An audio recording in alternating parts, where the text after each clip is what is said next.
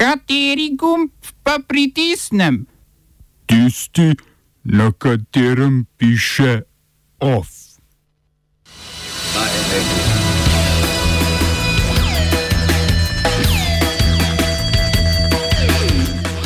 Biden ustavlja podporo saudijski vojaški kampanji v Jemnu. Mednarodno kazansko sodišče obsodilo poveljnika LRA. Od sobote postopno odpiranje trgovin.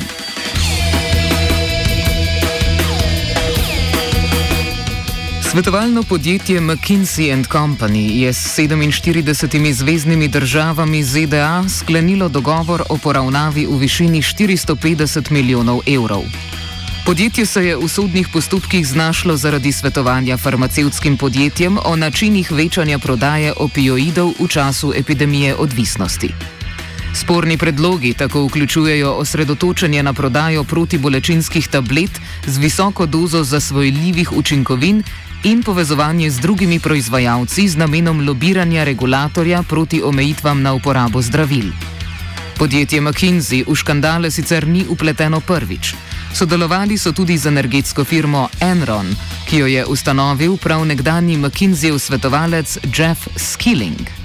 Prav tako pa je McKinsey za nekdanjega švicarskega letalskega prevoznika Swissair izdelal načrt o širitvi, kar je na zadnje podjetje pognalo v stečaj.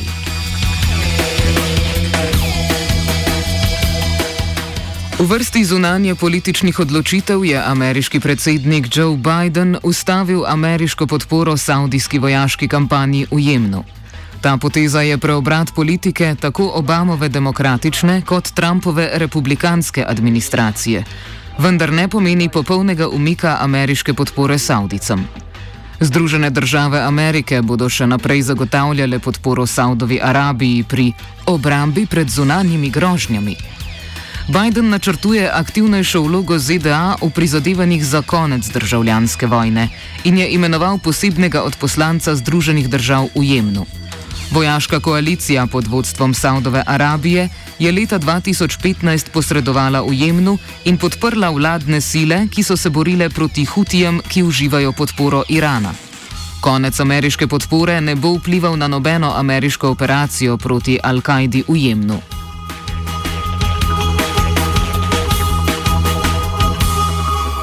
Mednarodno kazansko sodišče je spoznalo uganskega poveljnika gospodove uporniške vojske Dominika Ongwena za krivega vojnih zločinov in zločinov proti človeštvu.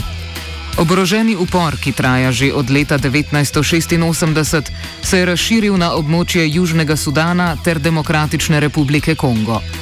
Vodja gospodove uporniške vojske, Joseph Kony, je bil obsojen za iste zločine leta 2005.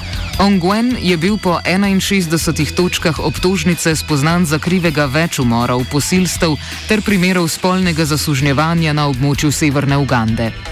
Mednarodno kazansko sodišče je prvič izreklo razsodbo glede kaznivega dejanja prisilne nosečnosti. Ongwena je, kot veliko drugih, ugrabila vojska, ko je imel 14 let in je bil prisiljen postati vojak. Njegovi odvetniki so trdili, da je zaradi ugrabitve utrpel psihološko travmo in je žrtev vojske ne storilec. Kljub temu so sodniki ugotovili, da je med letoma 2002 in 2005 pri storitvi kaznjivih dejanj ravnal po lastni volji.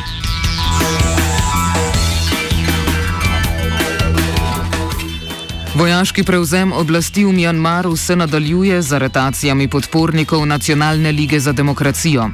Na podlagi kritike vojaškega udara je bil danes aretiran Win Htain, desna roka voditeljice Aung San Suu Kyi. Drugi člani te politične stranke so izrazili nasprotovanje vojski tako, da so sklicali simbolično sejo parlamenta. Varnostni svet Združenih narodov je pozval k izpustitvi mjanmarske politične voditeljice Suu Kyi ter drugih predstavnikov oblasti in civilne družbe. V izjavi vojaškega udara niso obsodili zaradi nasprotovanja ruskih in kitajskih predstavnikov. Na srečo pa so lahko izrazili globoko zaskrbljenost. Več o Mjanmaru lahko slišite v kultivatorju ob 17. Oba, če, če bom odgovoril na angliški. Slovenija will try to help. We can Slovenija will and we will do our utmost. To say that the situation is our problem ourselves. and uh, We will Make further steps as soon as the conditions are. bomo vlado Marjana Cererja, Mira, eh, Marjana Cererja Šarca podprli. uh, very, very serious. we know how and we will. Ministr za gospodarstvo Zdravko Počivalšek je po srečanju vlade s predstavniki gospodarskih zbornic najavil postopno odpiranje trgovin in nekaterih storitvenih dejavnosti. Že danes bomo tako lahko znova obiskali muzeje in knjižnice, čez vikend pa šli smučat, če bomo le imeli negativen izvid na testu, ki ni starejši od 24 ur. Za lepoto bo prav tako treba potrpeti do boljšega jutri, ko bodo vrata odprli lepotilni in kozmetični saloni, naslednji teden pa se jim bodo pridružile vse trgovine in servisne dejavnosti, ki potekajo v prostorih manjših od 400 km2. Naslednji teden se prav tako odpirajo vrtci in osnovne šole za učence prvih treh razredov. Da vse ne bo tako rožnato, pa je poskrbel vladni odlog, ki prepoveduje prodajo cvetja na tržnicah.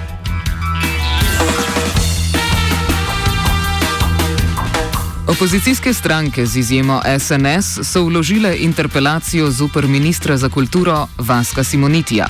Očitajo mu odgovornost pri poskusu napada na svobodo medijev, deložaciji uporabnikov prostorov na Metelkovi ulici 6, političnem kadrovanju v kulturnih ustanovah, oduzimanju statusa samozaposlenim v kulturi in še in še. Sezona interpelacij je tako v polnem zamahu. Pred enim tednom jo je doživel ministr za delo Janez Ciglar Kralj iz vrst stranke NSI, povod pa je bila dodelitev evropskih sredstev zavodu Iskreni, ki ga je soustanovil prav Ciglar Kralj. Pred nekaj dnevi pa je podobna usoda doletela tudi ministrico za šolstvo Simono Kustec.